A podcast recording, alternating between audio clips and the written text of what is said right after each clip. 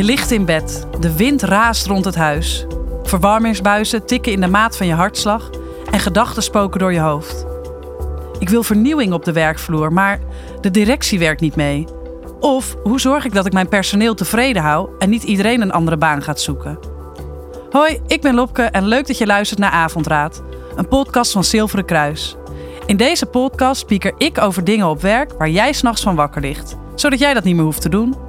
Elke aflevering ga ik op zoek naar een situatie die iemand stress geeft en praat ik met een expert die kan helpen, zodat jij een plan hebt en weer gerust kunt slapen. Want ook dat telt mee voor je gezondheid. Hey Lopke, Bas hier. Ehm, tja, ik eh, heb het de laatste tijd onwijs druk om werk. Ehm, er zijn een aantal mensen weggegaan, dat zorgt voor heel veel tijdsdruk. Ehm, ik heb een aantal taken daardoor bijgekregen en dat zorgt er ook voor ja, dat ik eigenlijk niet goed weet waar ik mee moet beginnen. Weet je, sommige dingen lijken allemaal even belangrijk en ik begin wel aan allerlei zaken, maar echt afmaken dat lukt gewoon niet goed. En ik merk ook dat de laatste tijd gewoon best wel veel invloed heeft ook op mijn privé situatie. Dus ik slaap er minder lekker door en ja, ik word ook wel een beetje kribbig. Ja, worden mensen thuis ook niet heel erg blij van. Dus ik vraag me heel erg af, kan je mij hierbij helpen? Heb je tips voor me? Dank voor je vraag, Bas. Heb jij nou ook een vraag over iets waar je wakker van ligt? Spreek dan op WhatsApp een spraakberichtje in en ik help je heel graag. Mijn nummer vind je in de omschrijving van deze aflevering. De vraag van Bas komt me eigenlijk best wel bekend voor. Je werkleven organiseren is niet niks. Maar volgens Mustafa Akpinar, schrijver van het boek Effectief omgaan met je tijd, is het een basisvaardigheid die we eigenlijk allemaal onder controle kunnen krijgen. Hij schreef een stappenplan om slim en effectief met tijd om te gaan en is dan ook de perfecte persoon om antwoord te geven op de vraag van Bas.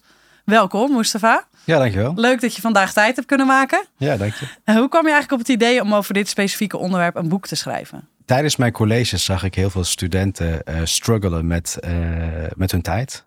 Ze gaven aan dat ze heel veel deadlines hadden en je zag ook dat er sprake was van uitstelgedrag. En toen dacht ik, laat ik hen helpen en een stappenplan schrijven en gedurende het traject ook uh, kleine experimenten met hen doen om te kijken of het ook daadwerkelijk heeft gewerkt. En uh, toen kreeg ik heel veel positieve reacties en dacht ik van nou, dat ga ik eens even goed aanpakken en het goed op papier zetten. En, en wat was dan precies die struggle die jij zag bij je studenten?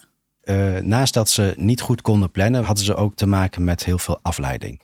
Niet alleen van hun smartphone, maar ook ehm, het gevoel van, oh, ik mis iets, waardoor ze niet goed gefocust konden werken. De stukken die ze inleverden waren voornamelijk uh, oppervlakkig. Uh, als je vragen stelt, hadden ze het gevoel dat ze mentaal gezien iets zouden snappen, maar niet goed op papier konden krijgen. Dan gaf ik bijvoorbeeld als antwoord, nou, dan snap je het nog niet goed, dus laten we het eens even bekijken. En krijg je als antwoord, ja, maar ik heb het heel druk. Ik heb hier echt acht uur aan, gewerkt. Hoe kan het nou dat het nog niet goed is? En uh, toen heb ik geëxperimenteerd met een aantal methodes en hen eerst bewustzijn bijgebracht over dat tijd niet de enige factor is dat een rol speelt, maar daarnaast je ook goed moet focussen en je voor jezelf goed moet zorgen om effectief om te gaan met je tijd. Heb je het idee dat dit zeg maar meer is dan vroeger? Dat we moeite hebben om onze tijd goed in te delen? Ja, kijk, uh, toen mijn opa in 1973 naar Nederland kwam als gastarbeider, was zijn taak voornamelijk als hè, productiemedewerker simpele taken. Je hoeft er niet bij na te denken. Je kreeg betaald voor je tijd. Je klokte in om negen uur. Vijf uur klokte je uit. En binnen die timeframe kreeg je betaald. Maar tegenwoordig worden uh, heel veel mensen in Nederland, maar over de wereld, betaald niet alleen voor hun tijd, maar ook over hun uh, sociale intelligentie, cognitieve capaciteit, hun netwerk, hun creativiteit, out of the box denken. En om dat allemaal te kunnen doen, heb je simpelweg tijd nodig. Maar ook omdat de aspecten zo complex zijn, de taken zo complex zijn soms, moet je binnen de bepaalde tijdframe ook goed kunnen focussen.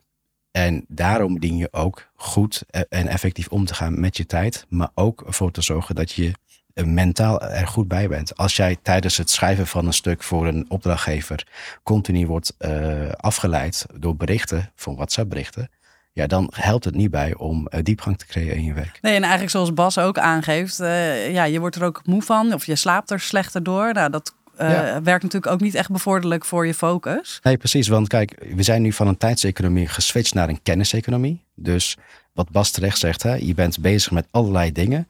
Maar als je ondertussen wordt afgeleid, dan duurt je werkdag niet alleen langer.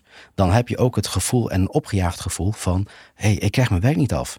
En dan slaap je slechter. En omdat je slechter slaapt, heb je de volgende dag al, eh, ben je mentaal moe. En omdat je mentaal moe bent, dan sta je al 1-0 achter. En als dat zo doorgaat, dan heb je op, op een gegeven moment binnen een week het gevoel van: hé, hey, ik kan helemaal niks meer. Nee, precies. En ja, je gaf al eerder aan in je antwoord van dan worden ook best wel afgeleid. Hè? Niet Mhm. alleen door de smartphone. Hoeveel invloed heeft dat op ons? Heel erg. Ehm, uit recent onderzoek weten we dat zodra je eenmaal gefocust bent en je wordt afgeleid, dat dat, eh, even een concreet voorbeeld. Hè. Vorige week hadden wij de Black Friday Week en we werden volop eh, gemaild met eh, Black Friday aanbiedingen. En moet je je voorstellen, je bent bezig met, je, eh, met een opdracht en je krijgt een mail binnen, eh 60% korting.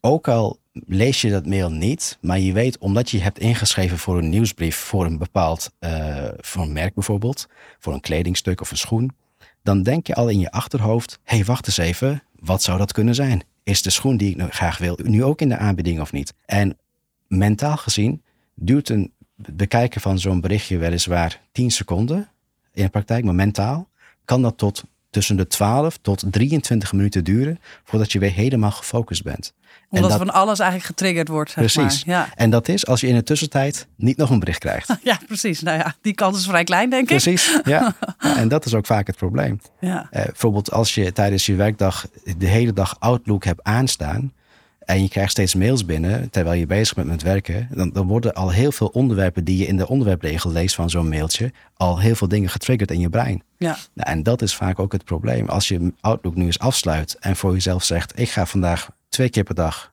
een half uur mijn mails controleren en ik trek een uur uit om mijn mails te beantwoorden, Ja. ja, dan zorgt dat al heel veel, in ieder geval in de praktijk al voor heel veel rust. Ja, dat, dat niet net als je gefocust bent, dat er weer van alles binnenkomt en jij weer inderdaad, eh, nou, misschien nog wel 23 minuten helemaal er weer uit ja, bent. Precies. Ja. Ja, je gaf aan dat je met je studenten eigenlijk verschillende methoden hebt geprobeerd. Mhm. Eh, wat voor learning heb je daaruit gehaald? Wat werkt? Wat werkt? Ehm, ja, eerst moet je niet alleen weten hoe je moet eh, plannen en prioriteren. Want het, het besef moet in ieder geval dalen in de zin van tijd is niet hernieuwbaar.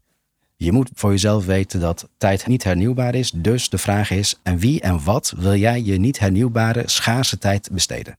Ja, en met, met hernieuwbaar is het gewoon, het komt niet meer terug. het komt niet meer terug. Nee. nee, ik ben 34. Ik kan niet meer terug naar mijn tienerjaren. Nee, precies. Zouden we soms wel eens even we willen Precies. meemaken nog een keer. Ja, helaas. Dat, dat gaat er niet worden. De vraag is dan, oké, wat heeft nu prioriteit in mijn leven?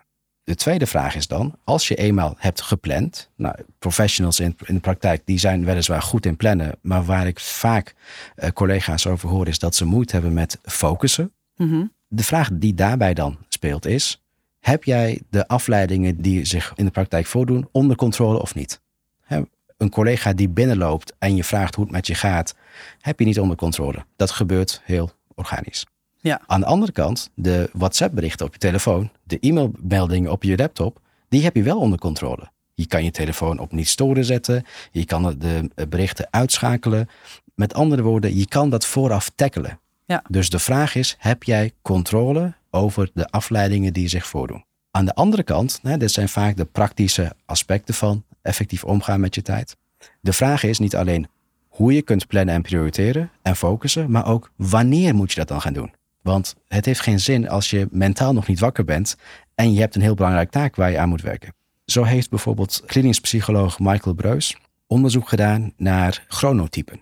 Heel vaak wordt gedacht, oh ik ben een avondtype, oh jij bent een ochtendtype. Mhm. Maar echt wetenschappelijk onderzoek was heel weinig. Ja. En wat hij heeft gedaan is, hij heeft niet alleen de circadiaanse ritme, zoals dat heet, de, je slaap- en waakritme bestudeerd, maar ook eh, iemands levensstijl. Want jouw levensstijl heeft ook impact op de wijze waarop je slaapt en wakker wordt. Ja. En wat hij eigenlijk concreet zegt is, we, we hebben vier soorten chronotypen, waaksystemen. En de gros van de bevolking is, zoals hij dat benoemt, een beer. Energieniveau die stijgt in de ochtend. Op een gegeven moment heb je een middagdip en dan langzaam daalt je energieniveau weer. Ja, om te zeggen we zijn allemaal anders, maar we zijn dus eigenlijk wel in te delen in bepaalde chronotypes. Precies. Ja. En het tweede chronotype is een leeuw. Dat zijn mensen die ongeveer een soortgelijke energiepiek hebben als een beer. Dus in de ochtend stijgt het. Maar in plaats van een middagdip daalt het weer. Dus ze ervaren geen dipje, maar gelijk een daling van hun energieniveau. Maar daarnaast hebben we ook wolven. Wolven zijn, eh, dat zijn mensen die in de ochtend eigenlijk weliswaar fysiek wakker zijn, maar mentaal nog niet. En hun energieniveau die kikt pas naar, naar de middag. Dus wanneer het energieniveau van een beer daalt, stijgt het niveau van een wolf weer. En dat is goed om te weten, want om überhaupt energie te krijgen om te werken, want we weten uit onderzoek dat hersencellen twee keer zoveel meer energie verbruiken dan elk andere cel in je lichaam. Mhm. En we weten dat ons brein anno 2023 heel belangrijk is om die complexe taken te tackelen. Dus je hebt je brein nodig om je taken te kunnen uitvoeren. En omdat je brein juist twee keer zoveel energie verbruikt in je hersencellen, Mhm. heb je die, überhaupt die energie nodig. En de vraag is dan, als jij dan in de ochtend bijvoorbeeld een complexe taak plant terwijl je een wolf bent en in de middaguren juist je energiepiek ervaart, dan heeft het geen zin. Nee, maar dat is wel interessant. Want hoe kom ik er nou achter of ik een wolf, een beer of een van de andere types ben? Ja, eh, dat is een goede vraag. Ik zou zeggen, je kan mijn boek aanschaffen waarin je een vragenlijst kunt invullen om te bepalen wat voor chronotype je bent. Ja. Eh, je zou ook het boek van Michael Breus kunnen lezen waarin daar uitvoerig op wordt eh, ingegaan. Maar het is dus best wel eh, handig om te weten wat voor type je bent. Omdat je daar op basis daarvan ook misschien je dag beter kunt indelen. Jazeker, want kijk, tijd is niet de enige factor die voor een bepaalde output kan zorgen. Mhm. Een, een simpel voorbeeld. Stel dat we de score van 100 hebben als output. Dat kun je halen door bijvoorbeeld 10 uur te werken met een intensiteit van aandacht van 10. Dus 10 keer 10 is 100. Ja. Maar laten we zeggen dat je voor jezelf hebt bepaald dat je vandaag een output wil van eh 30. Dat kun je behalen door bijvoorbeeld 10 uur te werken met een intensiteit van 3. Ja. Dus bijvoorbeeld dat je een essay schrijft terwijl je ook de Nederlandse elftal zit te kijken. Ja. Dan heb je 10 uur tijd besteed met een intensiteit van aandacht van 3. Heb je een output van 30. Maar wat je ook kunt doen is alles elimineren qua die ik zou kunnen afleiden. Ja. Genoeg energie hebt en dus hebt ingepland, bijvoorbeeld als je een beer bent in de ochtend. En dan in plaats van eh 10 uur te werken, juist 3 uur te werken met een intensiteit van aandacht van 10. Ja. Dan krijg je nog steeds dezelfde output. Maar weliswaar is het verschil dat je eh, 7 uur hebt bespaard. Ja, precies. Nou ja, zo willen we allemaal wel werken, denk ik. En eh, je hoort wel eens, een- ongeacht misschien welk type je bent, dat je beter in de ochtend juist de moeilijke taken kunt doen. Geldt dat eigenlijk voor alle chronotypen? Nee, niet voor alle chronotypen. In ieder geval voor beren en leeuwen is dat wel het geval. Voor eh, wolven niet. Want eh, hun energieniveau die piekt vaak in de middag. En eh, juist in de avonduren kunnen ze nog steeds aan de slag. En als ik even nog terug ga gaan naar de vraag van Bas, dan je verhaal wat je net vertelt van de intensiteit. Hè? Dus bijvoorbeeld drie uur op, op level 10 of andersom. Ja. Dat is misschien nog iets waar hij wat dan aan kan hebben om zijn Mhm. tijd beter in te delen, denk ik. Dat denk ik Of zijn ook. er nog andere tips? Daarnaast zou je nog kunnen overwegen om eh, te kijken in wat voor werkomgeving je werkt. Als jij het gevoel hebt van hey, iedereen praat in een kantoortuin, ik kan heel moeilijk werken, kun je overwegen om een, een noise cancelling koptelefoon op te zetten. In ieder geval, je moet jezelf afvragen, waar besteed ik mijn tijd aan? Dus Ja. eerst moet je prioriteren. Wat heeft nu mijn aandacht nodig? Wat kan wachten? En is het wel zo belangrijk? Er is ook een soort ongeschreven regel tegenwoordig. eh, Wat ik in ieder geval bij jongeren merk, is als je eenmaal een WhatsApp-bericht stuurt, dat men ook gelijk een reactie van je verwacht. Ja, wie heeft dat verzonnen? Hè? Ja, precies. Het is een ongeschreven regel, maar iedereen heeft een opgejaagd gevoel van: oh, ik mis nog 30 berichten waar ik nog op moet reageren. Terwijl ik denk, als het belangrijk is, dan bellen ze je wel. Dus het kan helemaal geen kwaad om je telefoon op stil te zetten en eigenlijk uit, de, uit zo'n loop te gaan en jezelf af te vragen: met wiens prioriteiten ben ik nu bezig? Het is ook Ja. een mindset switch. Ja. Want elk mail, elk WhatsApp-bericht die jij krijgt, is eigenlijk een to-do die iemand anders op jouw to-do-lijst zet. het is niet per se jouw leven. Precies. En omdat we weten dat tijd heel schaars is, moet je jezelf afvragen: met wiens prioriteiten ben ik nu bezig? Ja, ja goeie. Dat is wel, eh, ik denk dat ik daar me ook wel schuldig aan maak, ja. en als ik eh, even heel kort door de bocht samenvat, dan is het belangrijk dus voor Bas eigenlijk om te gaan prioriteren. Hè? Dus Ja. zijn het je eigen prioriteiten of die van een Mhm. ander. Om je afleiding te minimaliseren. We hebben niet op alles controle, maar onze mail en WhatsApp en andere digitale Mhm. berichten kunnen we echt wel eh, controle op uitvoeren. Op welk moment we die bekijken. Ja. Maar ook dus de intensiteit. Dus met hoeveel effort ga ik de komende uren aan de slag. Ja, dus wat kun je eraan doen om jouw aandacht te verhogen? Dus een van de aspecten zou dus kunnen zijn om jouw berichten uit te schakelen, eh, je Outlook niet continu aan te hebben, maar Ja. voor, voor jezelf te gaan kijken: oké, wat zijn de boosdoeners waardoor ik heel weinig kan focussen? En dan ook bij jezelf af te vragen: wat voor chronotype ben ik? Waar kan ik het beste werken? Is dat in de ochtend, middag of juist in de avonden? En dan de meest complexe taken waar je echt die cognitieve inspanning voor moet verrichten, dan inplannen. En dan ook alles aan doen om dat juist zo goed mogelijk te krijgen. En we zien steeds meer uh, dat privé en werk steeds uh, uh, um, ja, elkaar geen, overlopen. Precies, geen, gescheiden, geen gescheiden domeinen meer zijn. Dus je zou jezelf ook kunnen afvragen: moet ik continu aanwezig zijn? Of kan ik ook bijvoorbeeld het verwerken van mijn timeline op social media, het beantwoorden van mijn WhatsApp en e-mailberichten, kan ik dat ook niet gewoon inplannen? Dat is tenminste wat ik doe. Ja. Ik ben niet altijd bereikbaar via WhatsApp. Precies. En als mensen mij nodig hebben, dan bellen ze me wel als het belangrijk is. Zo niet, dan bepaal ik wel wanneer ik reageer. Ja. En uh, dat is ook een tip wat ik aan Bas wil geven. Dus en Bas zou, uh, zou morgen kunnen starten met uh, een prioriteitenlijst maken. En op basis daarvan ja, inderdaad. verder te bepalen Precies. van wat helpt ja, mij. Dus wat is productief? Ja. Wat, wat krijg ik gedaan? En wat vind ik leuk? De vraag is daarbij, kijk, niet alles wat wij leuk vinden, moeten we doen. Ik heb, nee. Dat, nee, dat gaat niet. Niemand wordt wakker en die denkt van, oh yes, vandaag ga ik strijken. Of was, nee. was doen. Nee. nee, toch niet? Nee. nee. maar het is wel noodzakelijk. Ja, dus je moet het wel doen. Ja. En niet iedereen heeft zijn of haar werkweek echt volledig onder controle. Maar sommige dingen, hè, een, een weekstart of een staffmeeting. Ja, precies. Die horen natuurlijk er gewoon bij. Maar precies. Dus daaromheen heb je nog echt wel veel invloed. Ja. Inderdaad. Daaromheen ben jij de baas over je tijd. Dus, dus de vraag die Bas zich moet afvragen is: wie bepaalt nu mijn agenda? En wat vind ik belangrijk om daaraan te werken of niet? Ja, nou, dat ga ik zelf ook eens doen. Beginnen met de ja. prioriteitenlijst. Nee, bedankt voor dit fijne gesprek, Mustafa. Ik vond het uh, heel inspirerend. Ik hoop dat Bas daar ook wat aan heeft. Uh, want het telt natuurlijk ook gewoon mee voor je gezondheid. Om je daar gewoon ook ontspannen in te voelen.